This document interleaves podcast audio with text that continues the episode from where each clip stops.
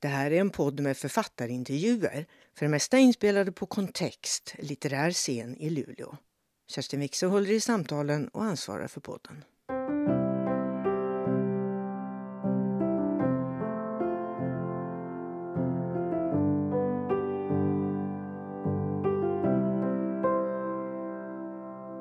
Ser du några släktingar? Jos täällä on sukulaisia, ger till känna nu. Eller gör inte det för hon blir så nervös. Säg ingenting förrän efteråt. Nej. Välkommen Nina. Tack. Du August-nominerad. Jajamän. Det har vi varit med om förut på Kontext, det vet ni. Förra året så satt det en person här som var för exakt ett år sedan som var August-nominerad. Och hon vann! Det är inte ovanligt. Bara man har satt sig här bara man så. har satt sig där så vinner man. Det låter bra. Det är ett bra tecken i alla fall. Mm. Om, får se, vi vet om två veckor eller någonting sånt. 25. Mm. Romanen som du är nominerad för, det är den här, Testamente. Mm. Det här är ju en, ja man får nästan säga nästan tegelsten.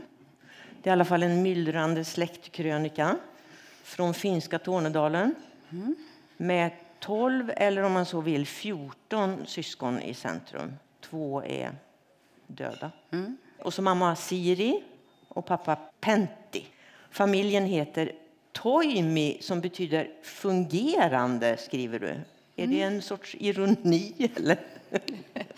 Ja, det kan man väl säga. Nej, men jag, när jag, den här boken kom till på det sättet att den, eh, jag höll på väldigt mycket med självbedrägeri när jag skrev. Jag trodde, för jag, bara, jag hade inte skrivit på väldigt länge, jag, bara, jag kan inte skriva, jag kan inte skriva en roman, jag, jag, jag kan skriva en novell. Jag, jag höll på väldigt länge så här och försökte skriva eh, på, på någonting. Till slut så liksom kapitulerade jag inför att säga, nej men det här är en roman, eh, men den innehåller väldigt många människor. Det kommer behövas någon som berättar.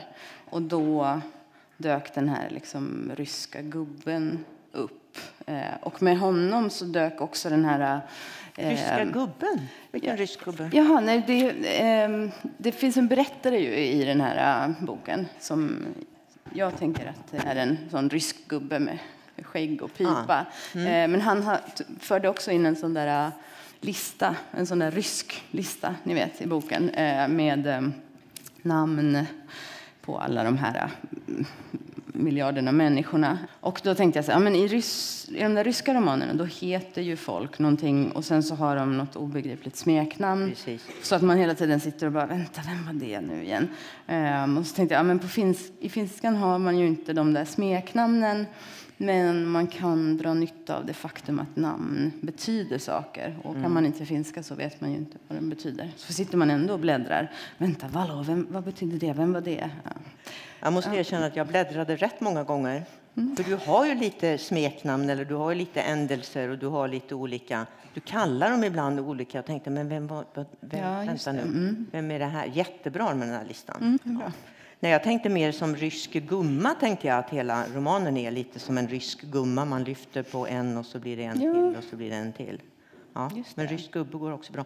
Du, du talar ju med en kille. Ska vi börja med att reda ut varför? Ja, men min eh, släkt är ju från Tornedalen. Jag är född och uppvuxen i Stockholm, men min mamma är där uppifrån. Så jag har varit där uppe på mina sommarlov. När jag var liten och mamma inte fick dagisplats så var jag uppe i vård hos mormor tills hon fick det och sådär. Och när du säger där uppe då, för det tror jag publiken vill veta, var är det då? Var är det? Ja, men det är det där uppe. Alltså jag har ju, jag har ju några väldigt svarta luckor i, i min allmänbildning. En av dem är ju då geografi. Det som, eh, alltså jag har ju varit där jättemånga gånger. Det är där uppe. Det är där uppe. Men är det en by som har något namn? Eller? Ja, men när jag var liten så... ehm, jag har ju döpt by, alltså gården efter den byn, Apajärvi. Men sen har ju mina släktingar flyttat på sig också. Så att jag, jag, det har varit lite överallt. Du vet inte riktigt. Jo, men jag kan kolla på en karta liksom. Men jag kan säga något, men jag, jag kommer inte komma ihåg det efteråt. Eh, Okej, men det är någonstans i närheten av Tornio kanske? Ja, eller Rovaniemi kanske. Eller Rovaniemi. Ja, lite Mitt högre. emellan. Li, ja, lite högre upp Lite högre. än Tornio. Än Mm. Tornio. Nästan, nästan på gränsen till att det inte är Tornedalen längre. Precis. Mm. För, för det är ju till Rovaniemi åker de ju ibland. Mm. Eller hur? Ja, men då är det nå- någonstans där uppe. Okej. Nina, du är van vid scenrum av olika slag, tänker jag. Du, var, du, skrev, eh, du har stått på scen förr i tiden i alla fall med popgruppen Lacrosse. Jag tittade på några Youtube-klipp. Det var ju, det var ju bra. Ja, ja, Jättebra. Fränt. Du har gjort film. Du spelade en huvudroll i den här eh, rätt uppmärksammade filmen som hette Babylonsjukan. Det var ju lite före sin tid. Film.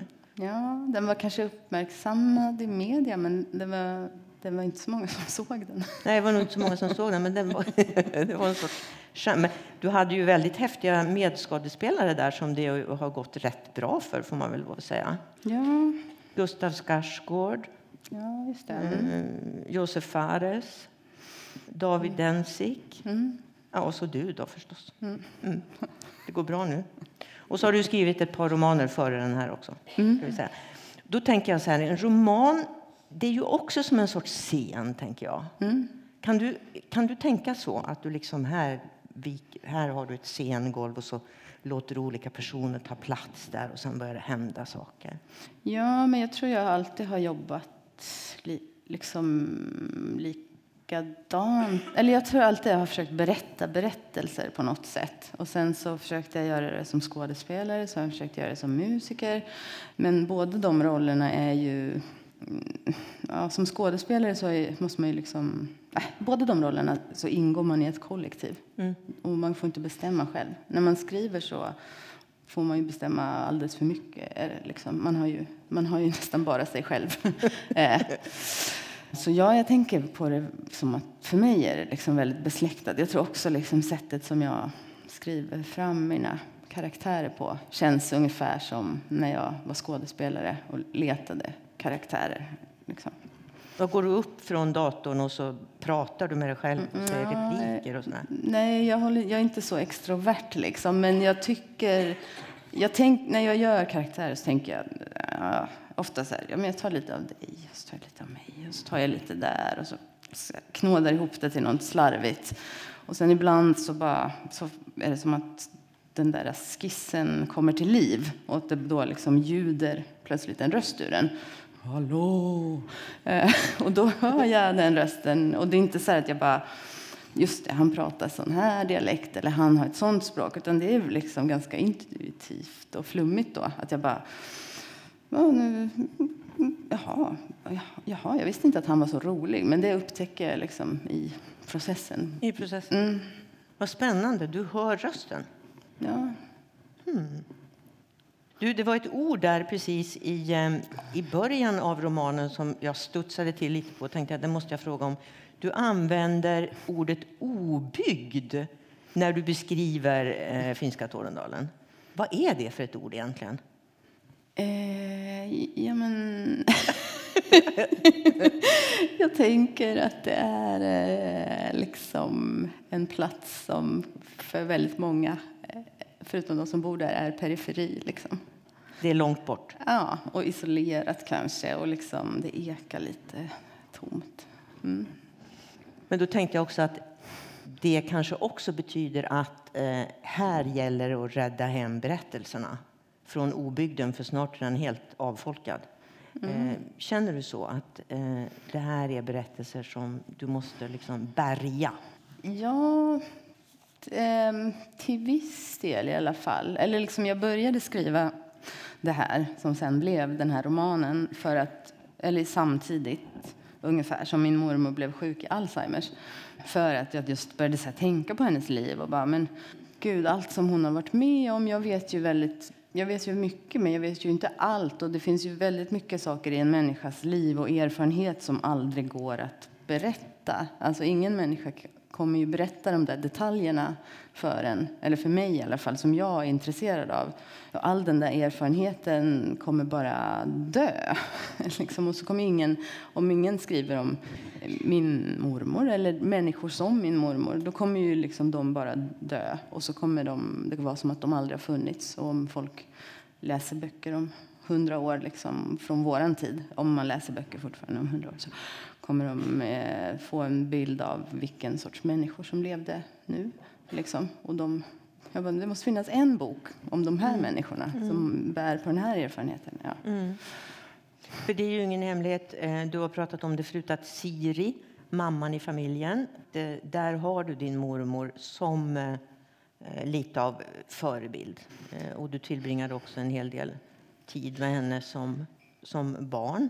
Hon är inte rakt igenom din mormor, men hon är rätt mycket din mormor. Ja, alltså, jag vill jag liksom alltid... Jag tror så länge jag har skrivit så har jag vetat att jag vill liksom skriva om den här platsen någon gång. Liksom, för, av, ja, både av så personliga skäl, att liksom förstå sig själv, varför man blir, har blivit den man har blivit, varför jag har blivit den jag har blivit, men också för att försöka få grepp om den där mentaliteten som jag liksom upplever som väldigt platsspecifik, eller i alla fall för min släkt.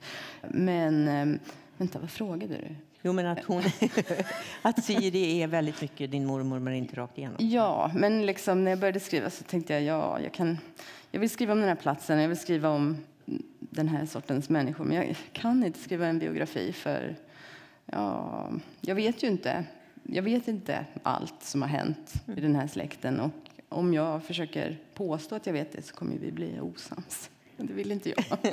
Så jag har liksom lånat, alltså jag har lånat eh, drag, jag har lånat saker. Men liksom det som kännetecknar den här mentaliteten då för mig, ja, nu, nu generaliserar jag. Får ni, du får. Hon generaliserar ja, Ni får säga emot mig. Du gör ju det i romanen ja, ja, ja, men, nej, men jag är liksom, kommer inte från en skri jag kommer inte från en släkt där man läser böcker. Det är liksom en stor överraskning att jag har gått på universitetet bara. Liksom. Men eh, man berättar liksom... Så jag bara, varför, varför skriver jag böcker? Jo, ja, men då tänker jag, det har med den här platsen att göra. För att det är en plats där människor berättar berättelser hela tiden. Det är så man liksom presenterar sig, visar vem man är. Det är så man bearbetar jobbiga saker som händer en. Man har alla sina vitsar och skrönor och olika berättelser på lager hela tiden som man drar fram också och berättar så här, ja, men för att också äga sin egen berättelse lite grann. Mm. Säga, ja men vet ni vad som hände mig? Alltså jag var på fest och min fru hon låg ju med min kusin. Det är inte klokt. men det är jag som väljer att berätta det istället för att ni sitter och liksom pratar om det i smyg på något sätt. Mm. Alltså till exempel. Mm. Du, sen, sen den här idén då med att låta det vara en väldigt stor syskonskara. Alltså, sådana har ju onekligen funnits i Tornedalen och finns fortfarande. Mm. Det var väl inte bara ett hugskott, du ville att det skulle myllra här? Ja, men jag ville liksom, det kanske har med det där att bevara, bevara något som håller på att dö. Nej, men jag ville berätta, alltså på samma sätt som jag ville att det skulle finnas en bok om de här typen av människor som har genomlevt krig. Och liksom, ja, men min mormor hon är född på 20-talet, mm. men på andra sidan vattnet bara. Hon föddes i det som var finska Karelen då. Men hon gick aldrig i skolan. Och det är liksom bara två generationer bort. Och det är inte särskilt unikt, men jag tycker så här, men jag ser det liksom inte riktigt i samtidslitteraturen. Och samma sak med de här stora familjerna. Jag har ju sett det på nära håll eftersom ja, min mamma har jättemånga syskon. Men eh, på andra delar i vårt land så liksom gör man tv av sådana saker. Man bara, gud, de är så annorlunda, de är annorlunda. Men, ja, men, ja, men för dem är de ju inte annorlunda. De här är ju, det här är ju verklighet för ganska många människor fortfarande. Så ja, jag ville att, det skulle, att de skulle få vara många. Mm. Mm. För då uppstår ju också en speciell dynamik. Alltså I en sån här stor syskonskara så blir det nästan mer som att det är syskonen som uppfostrar varann mer än föräldrarna. Mm. Och samtidigt är det ju så att Siri då i din berättelse är, hon är ju i centrum väldigt mycket. Och hon är väl då, om vi nu ska generalisera, hon är då den goda och ljusa kan man säga. Mm. Och eh, fadern Pentti är ju onekligen den mörka. Mm.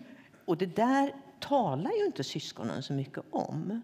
Alltså de pratar ju inte om sina föräldrar eller säger till varandra att, att, att eh, far är för jävlig och sådär. De säger ju aldrig det egentligen. Utan det ligger under som någon sorts ordlös överenskommelse.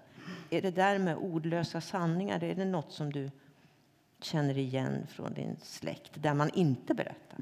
Ja, men jag tycker det liksom hänger ihop med den här mentaliteten.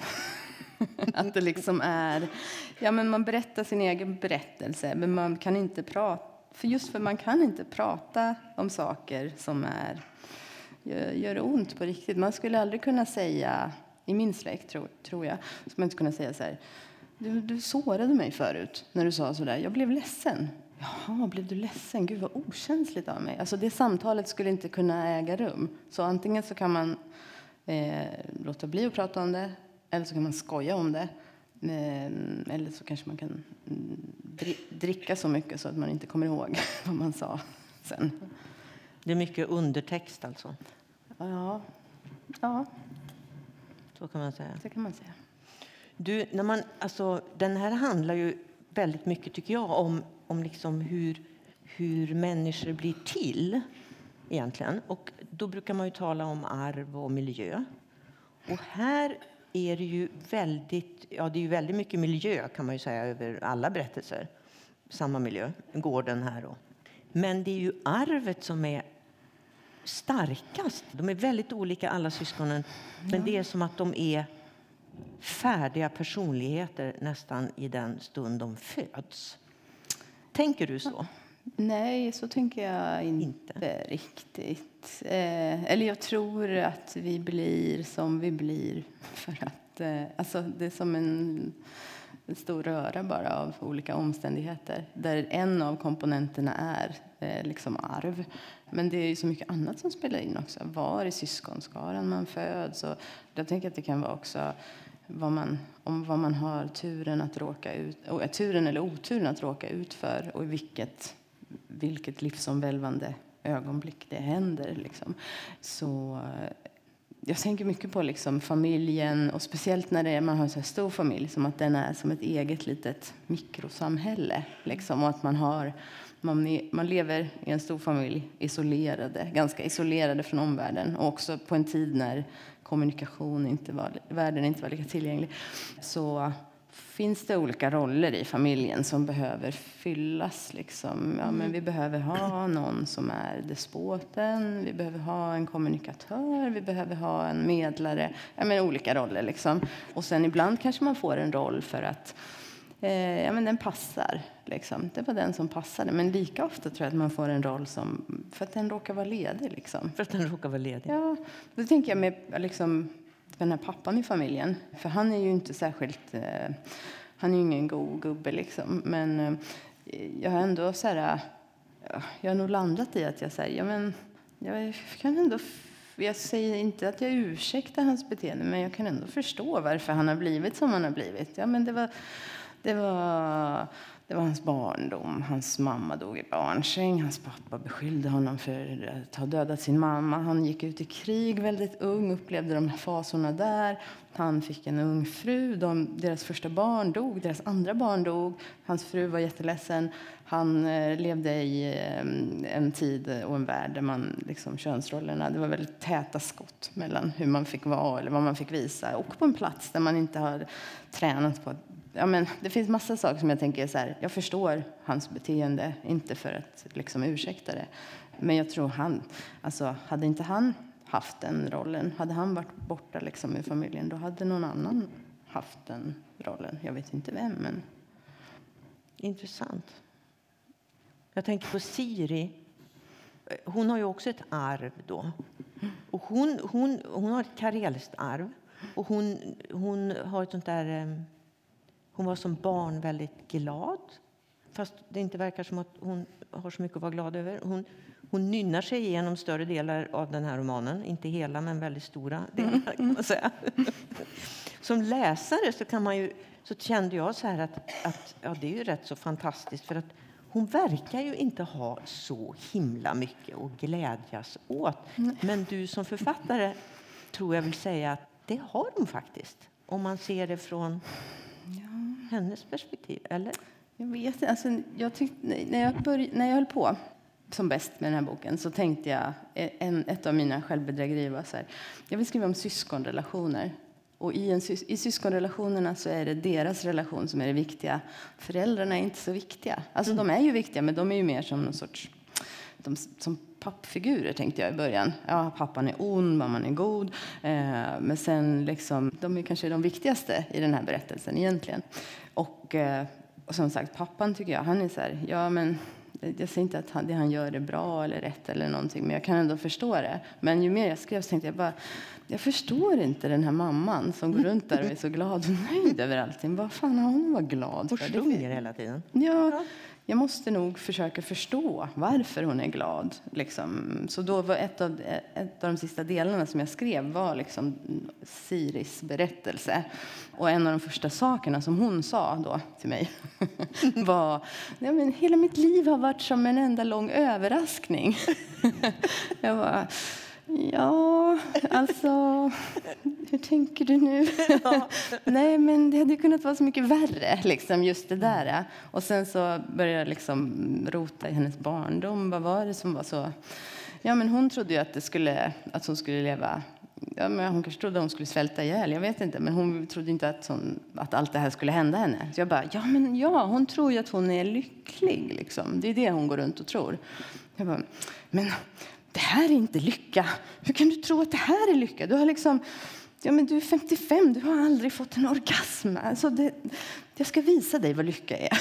Så att jag liksom, då blev det som ett så mission, ja. kände jag. jag bara, men hon, är ju inte, hon är inte min mormor, men hon hade ju kunnat vara min mormor, eller någons mormor. Liksom. Mm. Det, det, är viktigt att hon, jag ville att hon skulle få en andra, en chans till en, en andra chans. chans. Ja.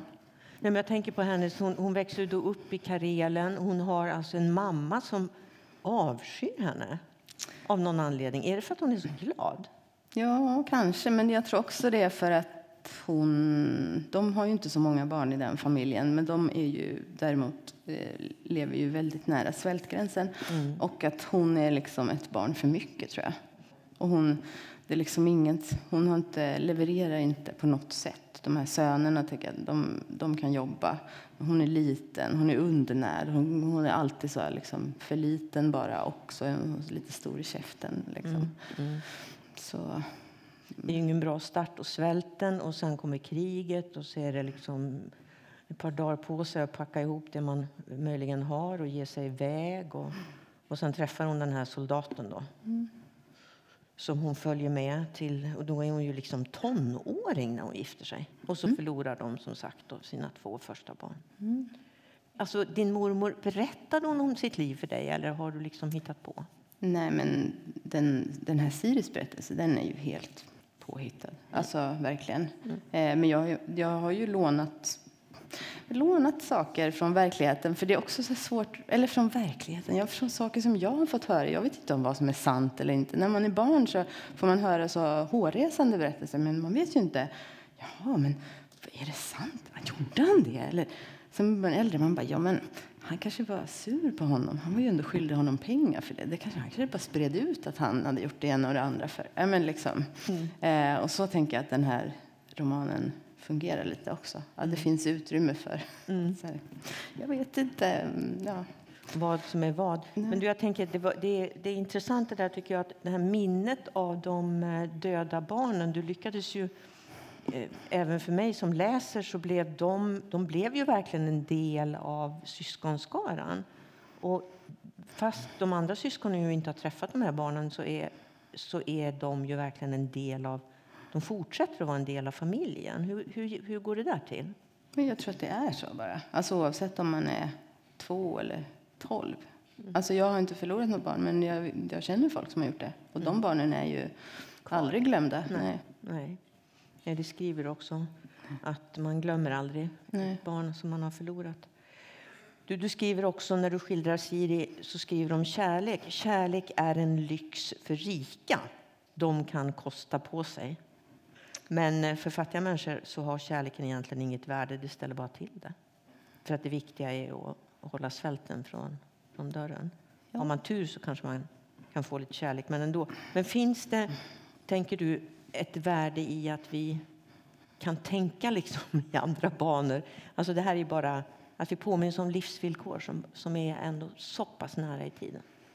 Jag Är det bra för oss? Att påminnas om det? Mm. Ja, det tänker jag att det absolut är. Alltså det känns som att vi, vi är ju i ständig utveckling. Liksom det, vi, det som är sant idag kommer vi ju skratta åt om 50 år kanske. Liksom. Hur, hur vi idag tycker att man ska uppfostra barn. På samma sätt som ja. vi tittar på hur det såg ut liksom, för 50 år sedan och bara, ja, de visste ja. inget. Ja. Nej, för det finns ju också med i romanen, den här, den här normen på hur man ser på barn och hur man uppfostrar barn. Mm. Då var det ju mer som att barn inte var, de var inte riktigt klara än. helt enkelt. De var som små vuxna och de var inte riktigt färdiga. De var liksom mer odugliga. Mm. Och nu har den här normen helt liksom förändrats. Eh, hur, hur går det där till eh, när normer förändras? Kommer det smygande eller hur tänker du på det? För det här, din roman utspelar sig ju på vad ska vi säga, 80-tal egentligen. Huvudberättelsen i den ja, huvudberättelsen. utspelar sig på 80-talet. Mm. Även om de alla verkar väldigt upptagna av en garagebrand 76 och sen så är det det ena och det andra liksom som har hänt. Men nej, men jag vet inte. Jag vet inte hur saker förändras. Det smyger sig väl på, är det inte? Mm. Så, vi förskjut, alltså, som vi gör med politik politiken idag till mm. exempel. Det är inte så som att vi bara vaknade upp en morgon och så var, var det helt normalt att vara rasist. Liksom. Utan det är, så här, det är så små förskjutningar hela tiden och så plötsligt så går vi med på mer och mer. Eller, mm. eller så blir vi bättre och bättre. Jag vet inte. Mm. Mm. Det verkar ju inte vara det senare just nu. Du, jag tänker också att eh, kanske från början när, de, när Siri och Pentti eh, skapade den här stora familjen, då fanns säkert arbetskraftsidén fortfarande kvar, alltså att man behövde mm. folk på gården helt enkelt. Men sen försvinner ju det bort mer och mer, eller hur? Ja, alltså det, de, utan att avslöja för mycket för er som kanske vill läsa det här så, så säljs, eller det här jordbruket avväxlas lite grann kan man väl säga. Eh, och folk börjar flytta hemifrån och, och mm. drömmer om att förändra sitt mm. liv. Jag tänker också att det är så här, de är på något sätt, de här barnen som är födda någon gång mellan 40 och 70-talet, de är ju också någon sorts generation, eller generationer som plötsligt vågar drömma om någonting trots att de inte är rika. Liksom. Mm. Eh, så kan, så, de kan liksom ta någon sorts makt över sitt öde på ett annat ja. sätt. Det finns en annan, ett annat stråk i, eh, i romanen som ju är lite tabubelagt, skulle jag vilja påstå. Och det är ju det här att du, du skriver en hel del om, eh, eller som ett faktum, att Siri älskar inte sina barn. Vi ska ju älska våra barn, eller hur? Lika mycket allihopa. Men det gör inte Siri. Hon älskar vissa barn mer än de andra och det vet alla om i syskonskaran. Var kommer det där ifrån? Varför vill du skriva om det? Ja, men jag tror att det, det kanske är så. alltså, men jag tror inte att det... Jag tror att de blandar ihop begreppen lite egentligen. Hon Syskonen? Ja, eller om det är den här berättaren mm. som har missförstått ja. det. Ja, men, det är inte jag. nej, men, nej, men eh, jag tänker att eh, de eh, är inte det är inte att hon älskar dem mer, tror jag. Utan det kanske är de barnen som behöver henne på något sätt. Tänker jag att det handlar om. Liksom att man säger, ja men du kom ut och du var färdig. Eh, liksom, det var kul att vara med dig men jag ser ju att du redan är på väg härifrån. Mm. Medan andra barn mer så här, åh, vad jag, du, den här världen är inte gjord för dig. Jag behöver försöka hjälpa dig att leva i den. Och då kan man kalla det att älska någon mer. Eh, det är lite krast kanske att säga så. Men de lever i en värld där man säger så. De behöver sin mamma mer helt enkelt. Ja. ja. Men du, då är det också rätt intressant. Det blir ju en, det blir ju en följdverkan på det där. För att de barnen som Siri då älskar mer, eller hur vi nu ska säga, de hatar ju Pentti mer. De tar ju han alltså helt avstånd ifrån. Mm. Varför det? Handlar det om vanlig svartsjuka, eller vad handlar det om? Ja, kanske det. Jag vet inte. Men jag tänker att Pentti har ett så... Eh, han, eh, han är nog egentligen mer drabbad än Siri av de där barnen som har dött, tror jag. Eh, och att han då... Jag tror inte han vågar... Han vågar inte riktigt älska de här barnen. För han, alltså, han tänker ju inte det här, tänker jag, för han kan inte eh, liksom analysera sig själv. Men jag tror att han inte vågar... Han vågar inte lita på att de inte kommer att dö. Och kanske, om, det kanske är det till och med så att, att om han älskar dem så kommer de att dö. Alltså, på något. Mm. Mm. Och då kan det också vara så att de barnen som han kanske upplever som svagast, de eh, har han allra svårast för att ta till sig. Ja, kanske. Så kan det vara. Mm.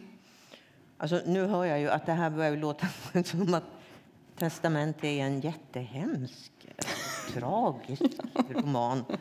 Och det är ju delvis sant, det vet ju ni som har läst den. Men den är ju också väldigt rolig. Alltså jag, jag, ehm, eh, förutom det här myllret av berättelser. Men alltså jag började ju skratta mitt i alltihopa för rätt ofta faktiskt. Och det där ligger ju... Alltså det är inte så att du berättar roliga historier egentligen. För det gör du inte så mycket. Men det ligger i språket. Alltså det är därför man skrattar. Alltså när du liksom... alltså det var, jag ska bara ta ett exempel. Till exempel så läste jag om Helmi, en av systrarna. Hennes namn betyder pärla. Och på sin 18-årsdag så träffar hon en viss Passi på Stadshotellet i Tornio. Där är Tornio. Hon var där och dansade. Ja. Som är hemskt snygg, skriver du. Och nu citerar jag. Fruktansvärt snygg. Han såg ut som Harrison Ford utan humor. Det tyckte jag var vansinnigt roligt. Det var ett sånt ställe jag skrattade högt. Alltså, är det liksom när du skriver sånt här, är det som infall som kommer eller känner du att nej, nu är det så tungt, nu måste jag? Nej, det är nog... ehm, Det är nog infall, eller vad man ska säga. Det är nog eh, självbevarelsedrift också. Alltså att liksom orka skriva om det. För att jag tänker att det, det är ju... Alla människor, vi alla, vi råkar ut för massa elände. Liksom. Men så kan man förhålla sig till det på olika sätt. Och är man från Tornedalen, då kanske man skrattar lite mer åt eländet. Liksom. Så. Men jag, det är ju liksom just de här kapitlen eller bitarna som handlar om de där barnen som dör. Jag drog mig in i det längsta för att skriva dem, för jag visste så här, men här kommer, här kommer jag inte kunna skämta bort något. Liksom. Utan det här, det här är, kommer det vara liksom lite allvar. Och det, är- ja, det är inte- det är tunga historier. ja, det är inte superhärligt. Tänka Nej, det är det inte. Nej. Du, eh, Helmi, hon är ju då ett av syskonen som eh, blir kvar. Och Annie, stora systern, är hon förresten du väldigt mycket? Du är stora syster, eller hur? Ja, jag är stora syster, men eh, Har min den- mamma är ju stora syster Ja. också i en stor Ja. släkt. Men hon har verkligen tagit en eh, stora systerroll och hon medlar och hon ser till. Och... jag vet inte om hon har medlat Nej, så men mycket, ärligt talat. Hon Ja. ordnar. Ja, Annie gör ju det i alla fall. Eh, ja, alltså, jag vet inte. Ja, men jag, jag tror att jag gör alla mina karaktärer så här. Lite, lite av den, lite av den, lite som hon, lite som jag. Alltså, Du finns med i flera, antagligen. ja. Lite delar av det. Ja, mm. Nej, men det jag skulle säga var att Helmi, hon stannar kvar. Mm. Hon blir kvar. Annie, hon vet väldigt tidigt att hon måste iväg. Det där tycker jag är så intressant. Varför? Får se om du har något svar på det. Varför är det så med vissa människor vet? De vet redan direkt att de ska iväg. Och en del vet att de ska vara kvar. Hur går det där till? Nej, men jag tror, för Annie så förstår hon det nog där eh, när hon är 11 och ett halvt och får sin mens för första gången. Eh, hon vaknar mitt i natten och går på toaletten och så är det blod i toan. Och hon bara, vet inte, hon har aldrig hört talas om någon mens. Alltså hon vet ju ingenting. Så hon bara, "Men nu ska jag dö. Så tar hon klär på sig i mörkret och så åker hon med skidorna bara ut i skogen och bara som ett djur liksom väntar bara att hon ska dö. Och så sitter hon där och väntar. Och så börjar hon frysa lite och så börjar hon känna att nej men, ja, jag kanske inte kommer dö ändå. Jag får väl åka hem igen då. Och så säger hennes mamma, vad, vad, vad, jaha, vad har du varit? Nej men jag är sjuk, jag, jag blöder. Jaha, nej men då är du inte sjuk, det är ingen fara med dig. Nej, du har blivit kvinna. Och det där liksom blir väldigt mycket, eller den, den händelsen blir liksom väldigt central för henne. Att hon känner sig så jävla eh, dum, utelämnad, liksom, mm, o, oälskad. Eh, och också så här, eh, att hon, jag vet inte, hon tänker så här, det är den här platsen, det är min mamma och den här platsen är samma sak. Om jag stannar här så kommer jag bli som min mamma och mina barn kommer också råka ut för det här. Leva med en, ja, en eh, fruktansvärd man som inte älskar en och, och inte kunna berätta för sina barn. Ah, allt det där. Så hon tänker så här, ja, men jag, jag vet inte vad jag ska bli. Jag ska bli något, men jag ska inte bli som min mamma. Och därför måste hon sticka. Men jag tänkte, det är flera av syskonen som känner så här, ja men det här, jag hör inte hemma här. Och då är det liksom ganska olika saker. Det är någon som har läshuvud liksom, som bara det är något fel på mig. Jag tycker om bokstäver. Det är mm. inte bra. Mm. Liksom. Eh, och det är en anledning att åka. Mm. Eh, liksom. Och du har också låtit två, du har låtit det, finna, det finns två homosexuella män i den här syskonskaran. Och de, eh, de vet ju tidigt att de måste iväg. Och en av dem, eh, Tarmo, han kanske inte vet att han är homosexuell. Det är han nog bokstäverna. Mm. Så han kommer till eh, Helsingfors för att studera och upptäcker där att han är homosexuell. Men han har ju också en syster som är, de är nästan som tvillingar. De är väldigt nära varandra i, i, i eh, ålder, Lappia. Mm. Mm. Men hon blir ju kvar. Hennes öde grep mig så. Hon, hon försvinner ju nästan när Tarmo försvinner. Mm. För det visar sig att hon, hon är helt ensam i, den här stora, i det här stora myllret. Mm. Och det hon, kanske, ja, hon kanske har vetat det, men det är Tarmo som som eh, har varit hennes. Liksom. Och så är han plötsligt borta. Mm. Och då är det inte så kul. Men du skriver väldigt vackert om henne. Ja, kul. Tack. För att du låter det... Ja, först blir det hemskt, mm. Sen låter du det gå bra för henne. Mm. Det hade ju lika gärna kunnat gå åt helvete. Alltså, Ja, hennes liv är ju inte slut än bara för att boken är slut. Alltså, det kan, det kan, det kan säkert gå åt helvete. Men, eh. Men jag tycker du skriver om den här känslan av att ha rätt till världen som inte är självklar för alla människor. Det, det, det kan vi nog känna igen oss i, många av oss. Liksom att, nej men, vad har jag för rätt att vara här? Liksom.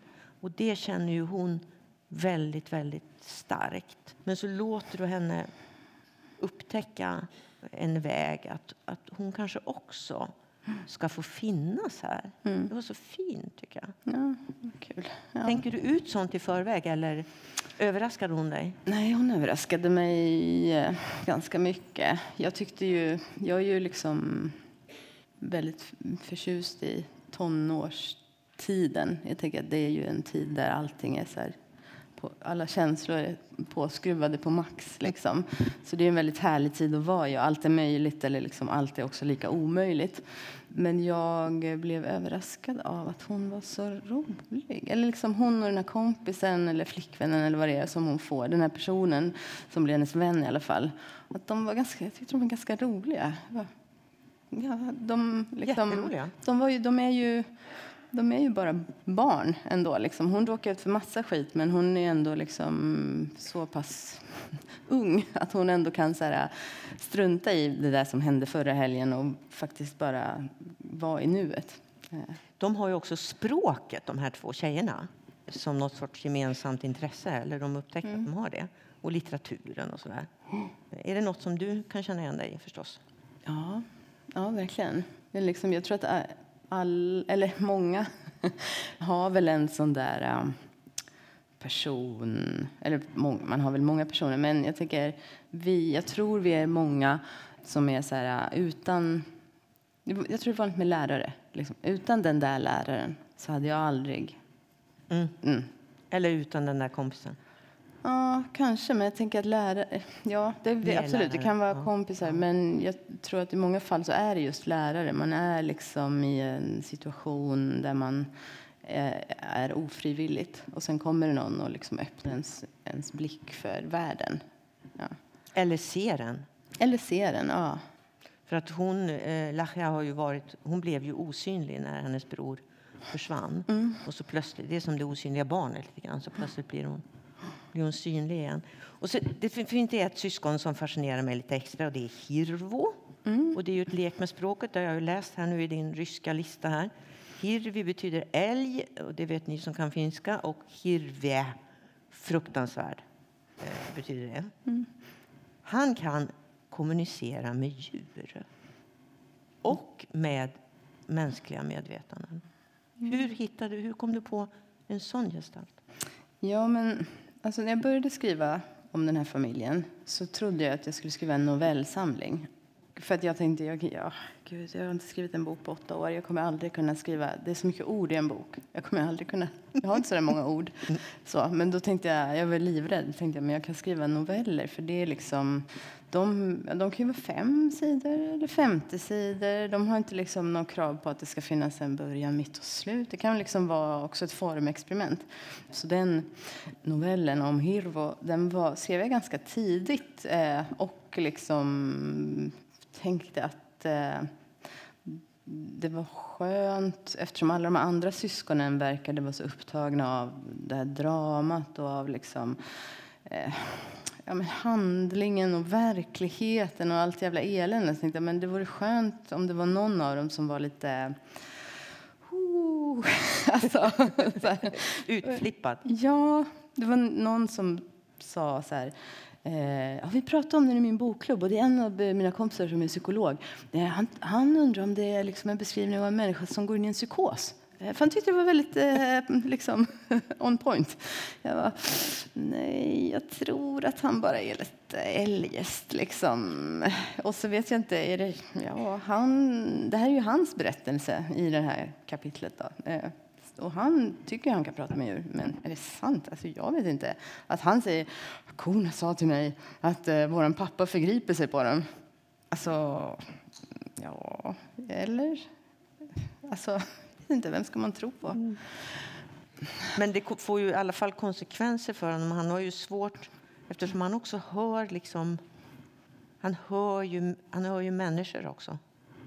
Så han, har ju, han, är, han är ju i alla fall väldigt känslig. Så han har ju svårt att vara med människor helt enkelt. Djuren har inte riktigt samma hemska historier som människorna har, så han drar sig undan. Han har enklare att vara med djur mm. än med människor. Mm. Renare. Deras eh, begär är renare på ja, något sätt. Ja. Precis, det är inte så komplicerat. Nej. Men han har svårt att vara bland människor för han, allt går in i honom. Liksom. Så att det får ju konsekvenser för honom. Mm. Typ att han flyttar ut i skogen. Märker du att jag nästan inte frågar någonting om Pentti? Jag märkte när jag skrev den här intervjun, när jag förberedde intervjun, tänkte jag, men gud vad jag undviker honom hela tiden. Det där är ju intressant. Alltså, Siri är ju den goda framåtrörelsen ja. och Pentti är ju den onda framåtrörelsen. Och det där har ju alltid intresserat mänskligheten. Varför blir det onda så mycket mer dominant än det goda egentligen? Ja. Har du något svar? Har du något bra svar på det? Nej. Nej, jag vet inte. Vad tänker du om det? Nej, men jag tänker att han är... Liksom, jag säger inte att han har rätt eller gör rätt eller någonting. Men jag tycker att det är lättare ändå att förstå den, det barnet som Pentti var som sen blev den här pappan som ingen, ingen önskade skulle finnas kvar än att förstå liksom, Siri och hur hon har levt liksom, i alla sina år med den här människan liksom, i någon sorts avancerat självplågeri. Det är eh, svårare att förstå. Ja, jag tycker det. Liksom, han... Ja, det, jag kanske är lite som Hirvo. Hans, hans, Pentis drivkraft är liksom lite renare, tycker jag. Ondare och ja. renare. Ja. ja.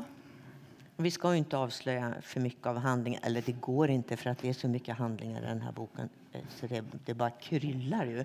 Men, men vi kan i alla fall säga att det inträffar ju en stor förändring i Siris liv och i familjens liv. Och de minsta barnen, eh, för det finns fortfarande små barn kvar, ju, Onni och Arto, mm. de får flytta då med mamma Siri till en annat, till ett annat ställe. Och där finns det en liten formulering där du fångar Pentis påverkan på familjen. tänker jag. Det är när stora syster Annie kommer på besök och så skriver du så här. Då ser Annie, Annie tänker det här. Deras rörelser var, insåg hon nu, fria och hölls inte tillbaka av någon bakomliggande skräck för ännu oanade konsekvenser så som hon själv vuxit upp med känslan av att när som helst kommer något hemskt att hända.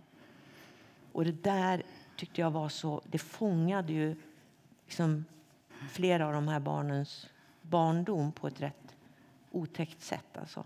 Vad händer med människor, med barn som växer upp med den där ständiga skräcken? Snart händer det något hemskt. Snart händer det något hemskt. Ja, men jag tror att det är ganska vanligt. Alltså, och sen behöver man inte ha haft en pappa som Pentti, men jag tror att det är ganska vanligt att det finns liksom Pentti är ju den här familjens Eh, liksom negativa mood manager, vad man ska säga. Men mm. det är ganska vanligt tror jag i familjer. Alltså att det finns en person vars humör liksom dikterar villkoren för hur alla, hur alla mår eller vad det kommer bli för en dag. Åh, hur mår mamma idag?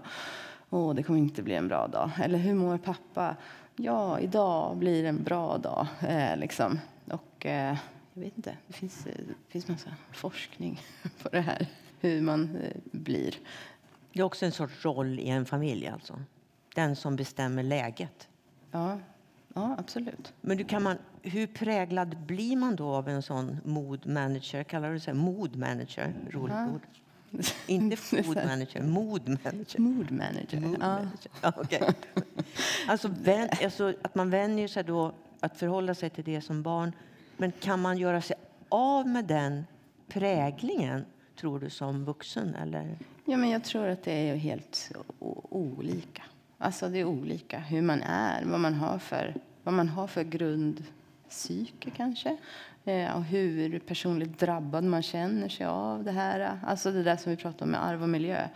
Jag tror det finns barn som växer... Det finns barn i den här familjen som växer upp med den här pappan och tänker ah, Gud vad han gapar och skriker, men, men, men. Liksom, som inte kanske känner av den där skräcken här, som vissa är helt uppfyllda av. Mm. Så det kan vara olika helt enkelt? Det kan vara olika. Mm. Mm. kan vara olika. Diplomatiskt svar, va?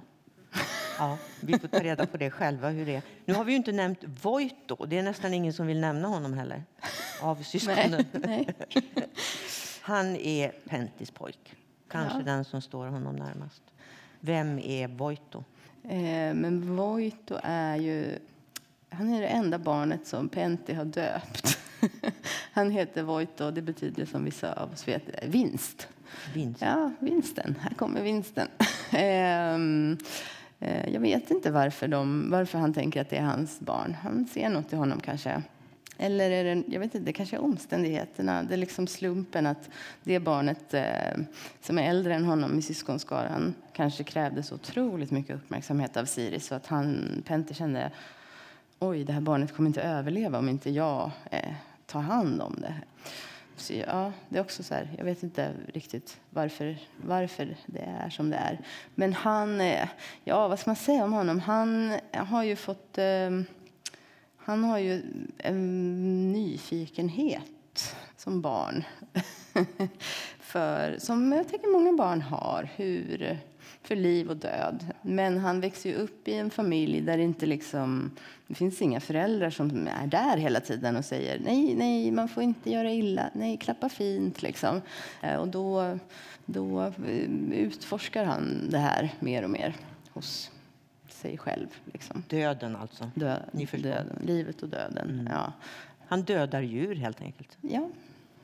Det är hans hobby? Ja, när han var barn. Alltså, ja. Sen tänker jag, sen blir han ju vuxen. Han är också så här... Eh, han behöver ju... Och han passar inte heller in där. Liksom. Han är obehaglig, tycker de andra.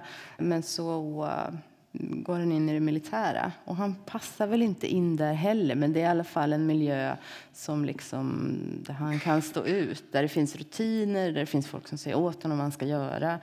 Sådär. Det, är ingen som liksom, han, det går väldigt dåligt för honom. Han liksom kan inte göra karriär för att det är ingen som gillar honom. Men han klarar sig liksom i alla fall. Nej, precis. Det är ingen som eh, gillar honom. Han vet ju också att han gör fel när han är barn, men han kan inte... Han är ju liksom djupfryst, tänker jag. Alltså på något sätt. Han, han eh, behöver inga människor. Han behöver ingen. Eller det är klart att han gör. Mm. Men han tänker att han inte gör det. Så han räknar ju inte med människor heller. Han, gör, så- han är helt ensam. Mm. Siri är ju rädd för honom. Alltså det finns ju något moment där i boken där, där, hon faktiskt, där han faktiskt... Eller du antyder att han... Då han 13. Att han skulle... Hans bästa vän är en kniv. Han skulle ha kunnat döda sin mamma. Ja, står det det verkligen? Det står att hon, de är lika långa nu. Ja, men det, Eller? ja, det, okej, det kan, du kan ha Ja. rätt. Jag kommer inte Ja, ihåg någonting. Jag, det- tolkade det så. Det var väldigt Ja. obehagligt. Ehm, alltså att han, du antyder att han Mm. skulle kunna göra det, men att han avstår. Ja, nej, men jag tror inte han skulle nog inte kunna. Eller jag vet inte. Ja, han kanske visst kan det. Det ja, jag tänker i alla fall att det är ju på första sidan i den här boken får man veta att det här är en mordhistoria. Mm. Eh, och att det är någon som kommer dö och att någon kommer vara skyldig. Det man inte får veta är att eh, ja, vem som har gjort det. Liksom. Om det är någon som har gjort det. Eh, för det är också, det råder lite delade meningar om det. Men det som framgår, hoppas jag, är att alla personer i den här berättelsen har motiv. Liksom. Fast det är ingen mod, det är ingen deckare det här. Alltså, fast det finns Fast om du vill att det ska vara det Ja, kanske, eller kanske du ska prova. deckare. Nej. Okej. Nej, det är ingen deckare.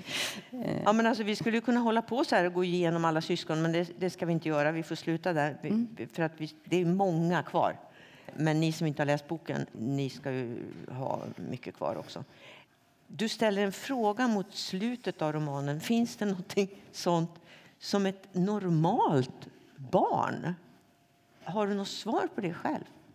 Eh, nej, det är ett svårt ord ju. Ja, Eller? ja det är jättesvårt.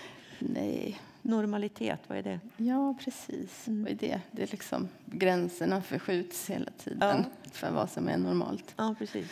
Nej, jag tycker det är helt egentligen ointressant med normalitet. Alltså, Vi håller ju på mycket med det nu för Ja, tiden. men det är så liksom diagnoser av, för att avskilja från, inte vet jag, från normaliteten på något sätt. Ja. Det finns ingen normalitet. Jo, någon sorts. ja, men det finns väl... Ja, det finns ju gränser. Det finns gränser. Men du, när du då gjorde det till en roman, alla de här novellerna, och så hittar du på den där ryska gubben med pipa, Tolstoj eller något. Mm. Då tänker jag att du hade en mission också. Och var, var det att du skulle undersöka vad som händer i, i en sån här stor syskonskara, dynamiken? Var det det du liksom var ute efter eller var du ute efter något? Jag vet, alltså, eftersom jag tänkte att det var noveller så var jag, tänkte jag ja, perfekt. Det är som, liksom, jag vet inte hur många de blir, fem eller tio eller femton. Men det är ju, alla de kan ju ha ett eget tema. Jag kan ju utforska vad jag vill. Och det behöver, jag behöver inte gå så långt in i det, men jag kan göra det. Och då, jag trodde verkligen när jag började skriva, jag hade inte så mycket plan. Men jag tänkte att det kommer utspela sig mellan 40-talet och nu. Gissar jag. Men sen när jag började skriva, så den första novellen om Annie var det första jag började skriva. Ja, den utspelade sig i början på 80-talet. Och så var det som att allting som följde efter det, alla syskonen var bara upptagna av samma händelse. De befann sig på samma plats. Jag bara, ja men de håller Jag bara, ja det, det är noveller, men jag tror det är kapitelnoveller. eh, tills jag bara, tills min förläggare bara, ja men, är det, vad är det nu då? Du måste bestämma dig nu. Jag bara, nej men det är en roman. Ja, det är en roman. Jag, vet, jag förstår det nu. Och då... Eh, jag, ja, så jag tycker jag själv mm, liksom, jag tycker om att, jag tänker på det som en släktkrönika där alla de här syskonen, man skulle kunna prata om specifika teman som, men jag vet inte, just nu tycker jag nog att det handlar om den här mor och dotterrelationen, alltså med Annie och, och Siri. Det är det som, som jag tänker just nu. Just nu. Ja, Mm. men... Ja, det handlar det ju också om. Ja, Men det handlar ju om så mycket annat också. ja, men precis. Så... Nej, men den, nej, den handlar om varför blir man som man blir. Ja, men Eh, precis. ja. Varför blev jag som jag blev? Varför blev du som du blev? Eh, svaret är eh, det är lite olika.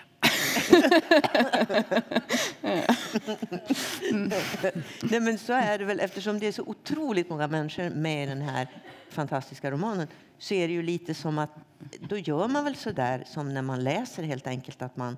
Nu säger du att för dig handlar det just nu om mor-dotter-relationen. Är man då just inne i en sån fas i livet att man är intresserad av det, då, då läser man ju det mm. mest. Då. Så kan man ha en annan fas och så läser man det mest. Då. Så det mm. kommer att vara olika för er allihopa när ni läser den. Mm. Det kan jag nästan lova. Men du, din tornedalska släkt då, kommer de att känna igen sig tror du? Ja, det tror jag verkligen. Mm. Min mamma är ju, alltså, jag hade, när jag skrev den så hade jag som inspiration ett foto på min mamma och hennes syskon ah. som är taget någon gång i början, ja. början på 70-talet tror jag. Som många, också sen blev har, hur många har hon? Ehm, ja, men det beror lite på hur man räknar. Nej, men okej, okay, men hon har elva syskon.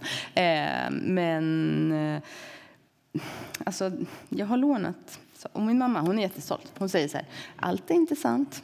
Och titta vad ung jag var. liksom. eh, men jag tror att man kan känna igen saker för att eh, det finns skrönor som går i arv. Liksom. Eh, men det är både så här, personlighetsdrag, det är vissa namn Alltså, jag har ju en morbror som heter Voito som inte alls är den här personen. Liksom, men det kommer, ja, folk kommer, kommer kanske... Han att säga? Vad tror de? Liksom? Ja. ja. men det, nu är det så här. liksom. Men det finns andra saker som är så här 100 äh, procent släkten. Sant.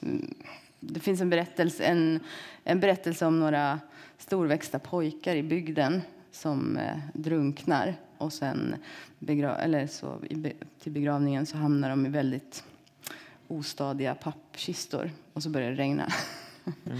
Som är så här, uh, nej men jag kan inte säga om det har hänt, men jag, det har, det har, jag har fått höra den berättelsen så många gånger när jag var liten mm. om de där pappkistorna i regnet. Du, det här med mytbildningar och historier då som upprepas gång på gång i en familj, det blir ju en sorts sanning. Eh, ju. Alltså, och de får ju också betydelse för vad ja, men du som barn då, vad du fick veta om verkligheten. Liksom. Det var såna historier. Men tystnaden då? För den här romanen handlar ju också om tystnad. Alltså. Det som aldrig sägs. Det kan ju ha nästan lika stor betydelse som det som sägs. Eller hur tänker du kring det? Ja, verkligen. Det tror jag jag vet inte. Jag tror det kommer nog eh, från något annat, liksom mera småborgerligt håll, eller vad man ska säga. Att man inte ska säga? Ja, jag vet inte. Jag kan inte säga att det...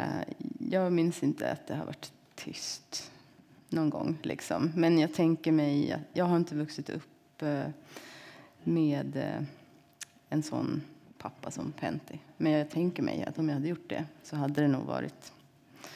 Locket på? Ja, tyst, mera tyst liksom. Mm. Du, vad, vad, berättade du själv för historier på somrarna där hos din mormor när du fick chansen? Vad berättade du om? Nej, men jag vet inte. Jag har ju, förutom att jag har dåligt lokalsinne, har jag jättedåligt minne. Vad sa du? Jag har jättedåligt minne också, förutom att jag har dåligt lokalsinne. Så, jag vet inte. Var du ett berättande barn? Vet du det? Eh, ja, kanske att jag var det. Mm. Och fick vara det också i den släkten? Ja, pratade nog mycket liksom, som barn. Men Alltså det finns ju verkligen drag av skröna och muntligt berättande och så genom hela den här romanen. Mm. Är du rädd för att de här, det här berättandet människor emellan ska dö ut? Liksom att det ska bli tyst? För jag, jag tänker, jag menar, nu googlar vi och vi ser på tv-serier och det är populärkultur. Så att till slut så kanske våra egna berättelser blir för tråkiga och tystnar. Nej, men här, den här boken är väl ett eh, liksom, eh,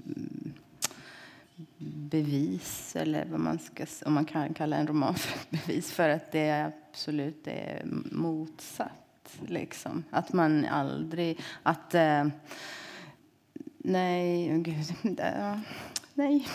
Nej, du vill inte det i alla fall. Nej, nej, nej, nej men jag tycker, inte, jag tycker absolut inte det. Du ser ingen sån risk? Nej, absolut inte. Jag, för mig som har väldigt dåligt minne mm. så är det underbart, eh, eller det är, det är livsviktigt att skriva ner saker för då kan jag kanske komma ihåg dem eller jag kan återbesöka dem. Eh, och det tänker jag är det underbara med den här digitala världen. Alltså, alltså det är på gott och ont, men att det är ju, jag kan ju faktiskt återbesöka eh, min förra sommar och se en, en, bild.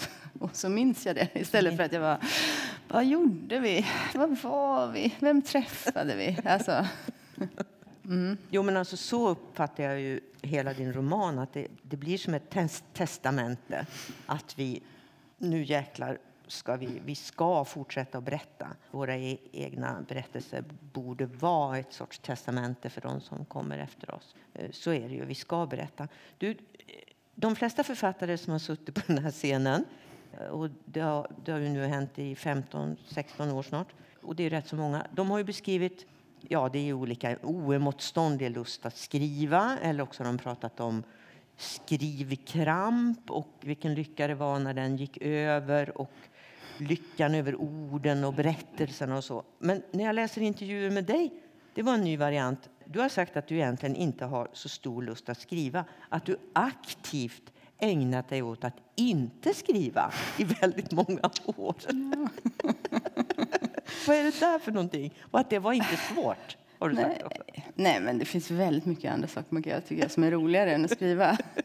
men eh, det kan ju kännas viktigt att göra det, tänker jag. Av olika anledningar. Bland annat de som vi har pratat om här ikväll. Men det kan, jag tycker också på ett personligt plan att det kan kännas viktigt så att visa sina barn att man kan ha ett jobb som man liksom eh, man kanske inte skrattar ihjäl sig hela tiden, men man liksom kan ha lite kul på jobbet och man kan tycka att, kanske att det är viktigt eller meningsfullt och liksom framförallt att man kan ha en tillvaro där man inte bara går och längtar efter att det ska bli nästa fredag igen. Liksom. Det känns eh, också som en anledning till att göra något som man tänker ja, som skrivandet är för mig. Något som jag... Mm, Ja, ja jag hatar det inte. Liksom. Jag du tycker, hatar det inte heller? Nej, men jag tycker det, det, är liksom, det känns eh, viktigt och meningsfullt. Men för att ha roligt så gör jag andra saker. Liksom.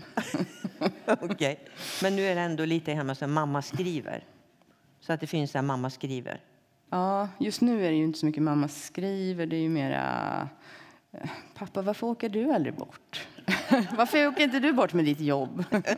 Eh, så, men, ja.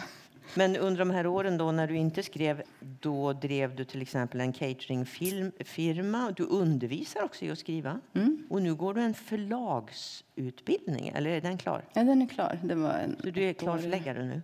Ja, precis. Ska du bli det? Ska du börja jobba som det? Jag vet inte, men jag insåg liksom när jag började skriva igen att eh, jag tyckte det var väldigt, eh, att det jag tycker är roligast ja, kanske är att prata om läsning liksom. Och då inte så här bokcirkelläsning, att så här, nu läser vi den här boken och den är klar, utan att läsa en text när den är i tillblivelse. Mm. Liksom. Att det inte, för mig är det inte viktigt att det är min text som vi pratar om. För den situationen är man ju hela tiden som författare. Alltså nu, men också med en förläggare. Och liksom, det, det, är bara, det är ganska skönt att prata om andras texter och kunna säga så här, ja men mm, här läser jag att det står. Och sen, för det är så man lär sig, tycker jag, att skriva. Att man förstår att det som finns här inne och det som sen kommer ut på skärmen eller pappret, det är inte alls samma sak. För det är väldigt mycket som som vi som skriver vet, som sen inte står på pappret. Ja, men jag, så, jag, jag ser inte att han har någon röd mössa på sig. Nej, jävlar, det står ju inte att han har det. Alltså, men jag vet ju att han har det. Ja. Är det viktigt att han har det? Ska, vill jag skriva ut det? Alltså det där samtalet. Och det är väldigt roligt i skrivarkursmiljön, för där är det liksom ja, texter i tillblivelse. Men jag gillar att jobba med text överlag. Så att jag tänker att man kan, jobba, man kan jobba på förlag och man kan jobba i sina egna texter. Och man kan, man kan undervisa. Ja, man kan göra det. Ja, det var i alla fall svårt ska jag säga, att lämna den här myllrande tornedalska familjen. Och det betyder förmodligen, eller det betyder, jag, alltså jag blev rätt sur när boken var slut helt enkelt.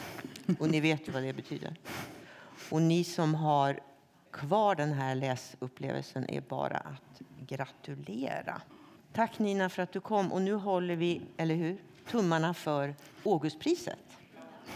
Tack för att du var här. Tack för att jag fick komma. Tack, tack.